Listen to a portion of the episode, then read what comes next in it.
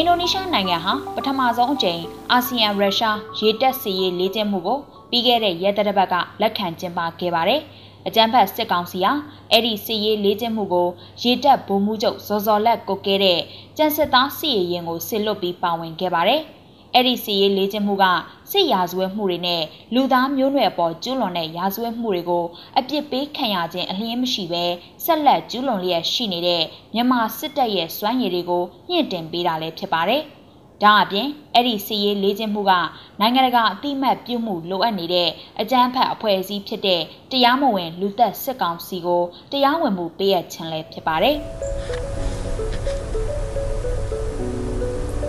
စစ်ကောင်စီမီဒီယာထုတ်ပြန်ချက်အရအဲ့ဒီစီရေးလေးကျင်းမှုမှာပူရဲစစ်နီးဗျူဟာဆိုင်ရာလှုပ်ရှားဆောင်ရွက်ခြင်းအချက်ပြဆက်သွယ်ခြင်းတင်နန်းဆက်သွယ်ရေးဆိုင်ရာများနှင့်တန်တရားဖြစ်ပွယ်ရေးရင်များအားကြားဖြတ်ထောက်လန်းခြင်းများပါဝင်ပါတယ်။အဆိုပါစွမ်းရည်တို့ကရက်ဆက်ကြမ်းကြုတ်တဲ့ရာဇဝတ်မှုတွေအပါအဝင် လူအခွင့်အရေးချိုးဖောက်နေတဲ့မြမရေတက်ကိုဓာတ်ရိုက်ပံ့ပိုးလိုက်ခြင်းလည်းဖြစ်ပါတယ်2021ဖွင့်ပွဲအခမ်းအနားကိုအခုလတရက်နေ့မှာကျင်းပရန်အခမ်းအနားကိုအာဆီယံဆိုင်ရာရုရှားတမန်ကြီးမစ္စတာအလက်ဆန်ဒါအီဗန်နော်အင်ဒိုနီးရှားနိုင်ငံဆိုင်ရာရုရှားတမန်ကြီးမစ္စတာလစ်မီလာဘိုရိုဗိုင်ဘာအင်ဒိုနီးရှားရေတပ်မှအမှတ်၁စစ်ရင်စုမှုဖို့ချုပ် အဆာရတ်အဗ်ဒူလက်နဲ့အာဆီယံနိုင်ငံများမှတာဝန်ရှိသူများစစ်တမ်းမှုများတက်ရောက်ကြပြီးလေးချင်ခန်းမှာပါဝင်တဲ့စီရင်များမှ Virtual Conference နဲ့တက်ရောက်ကြပါတယ်။မြမရေတပ်ဟာ2018ခုနှစ်ရိုဟင်ဂျာတွေအပေါ်ကျူးလွန်ခဲ့တဲ့လူမျိုးတုံးတပ်ဖြတ်မှုစစ်ဆင်ရေးမှာတစိမ့်တစ်ပိုင်းပါဝင်ခဲ့ပါတယ်။ ရိုဟင်ဂျာလူမျိုးတွေကိုစန့်ကျင်တိုက်ခိုက်ဖို့အတွက်ခြေမြန်တပ်သားတွေကိုရေတပ်ဆက်လေတွေနဲ့ရခိုင်ပြည်နယ်မြောက်ပိုင်းကိုတင်ဆောင်ခဲ့ကြောင်းရိုက်တာသတင်းဌာနမှဖော်ပြခဲ့ပါတယ်။ပြီးခဲ့တဲ့နှစ်မှာအထောက်ပံ့ပစ္စည်းတွေတည်ဆောင်ဖို့အတွက် Red Cross ကငှားရမ်းတဲ့လှေတစည်းကိုရေတပ်ကတိုက်ခိုက်ခဲ့ရာလူတအူးသေဆုံးပြီးနှစ်ဦးဒဏ်ရာရရှိခဲ့ပါတယ်။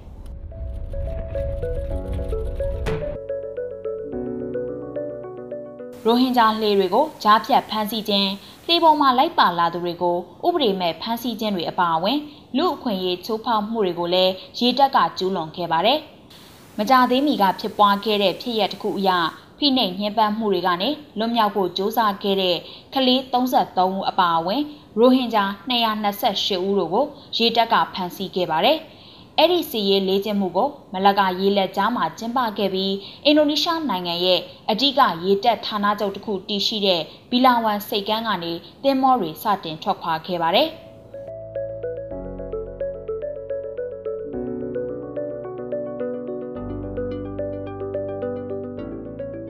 စီရေးလေးကျင်းမှုပိတ်ပွဲအခမ်းအနားကိုဒီဇင်ဘာလ9ရက်နေ့မှာကျင်းပခဲ့ပါတယ်။ အဲ့ဒီစီရေးလေးချင်းမှုကိုရုရှားအင်ဒိုနီးရှားနဲ့မြန်မာစစ်ကောင်စီတို့အပြင်ဘရူနိုင်းဗီယက်နမ်မလေးရှားနဲ့ထိုင်းနိုင်ငံတို့ကလည်းပါဝင်ခဲ့ပြီးမြန်မာရေတပ်အမှုရန်တွေနဲ့ပူးပေါင်းဆောင်ရွက်ခဲ့ကြတာပါအဲ့ဒီအာဆီယံရုရှားရေတပ်စီရေးလေ့ကျင့်မှုကအင်ဒိုနီးရှားနိုင်ငံနဲ့အာဆီယံတို့ရဲ့မြန်မာစစ်တပ်နဲ့ကြံရပါပတ်သက်မှုမှာနက်ရှိုင်းတဲ့အဆင့်တစ်ခုကိုပြသနေပြီးပြီးခဲ့တဲ့ဧပြီလကအင်ဒိုနီးရှားနိုင်ငံမှာ စစ်ရာဇဝတ်ကောင်မင်းအောင်လှိုင်ပါဝင်တက်ရောက်ခဲ့တဲ့အာဆီယံခေါင်းဆောင်များအစည်းအဝေးတရက်မှာသဘောတူခဲ့တဲ့ဘုံသဘောတူညီချက်9ရက်ကိုဖော်ဆောင်ဖို့အာဆီယံရဲ့စိတ်ဆန္ဒအပေါ်မေးခွန်းထုတ်ရမှာလည်းဖြစ်ပါတယ်။ဘုံသဘောတူညီချက်9ရက်ရဲ့ပထမအချက်ကမြန်မာနိုင်ငံအတွင်းအကြမ်းဖက်မှုများချက်ချင်းရပ်တန့်ရေးဖြစ်ပါတယ်။စစ်ကောင်စီအနေနဲ့အဲ့ဒီအချက်ကိုလစ်လျူရှုထားတဲ့အပြင်ဧပြီလကစတင်ပြီးတပ်ဖြတ်ခြင်းတွေ လူအုပ်စုလိုက်ဖမ်းဆီးခြင်းတွေညှဉ်းပန်းနှိပ်စက်ခြင်းတွေအရက်သားတွေအပေါ်လေကြောင်းတိုက်ခိုက်ခြင်းနဲ့ဘုံကျဲခြင်းတွေနဲ့သူတို့ရဲ့အကြမ်းဖက်စစ်ဆင်ရေးကိုတိုးမြင့်လှုပ်ဆောင်လာခဲ့ပါတယ်။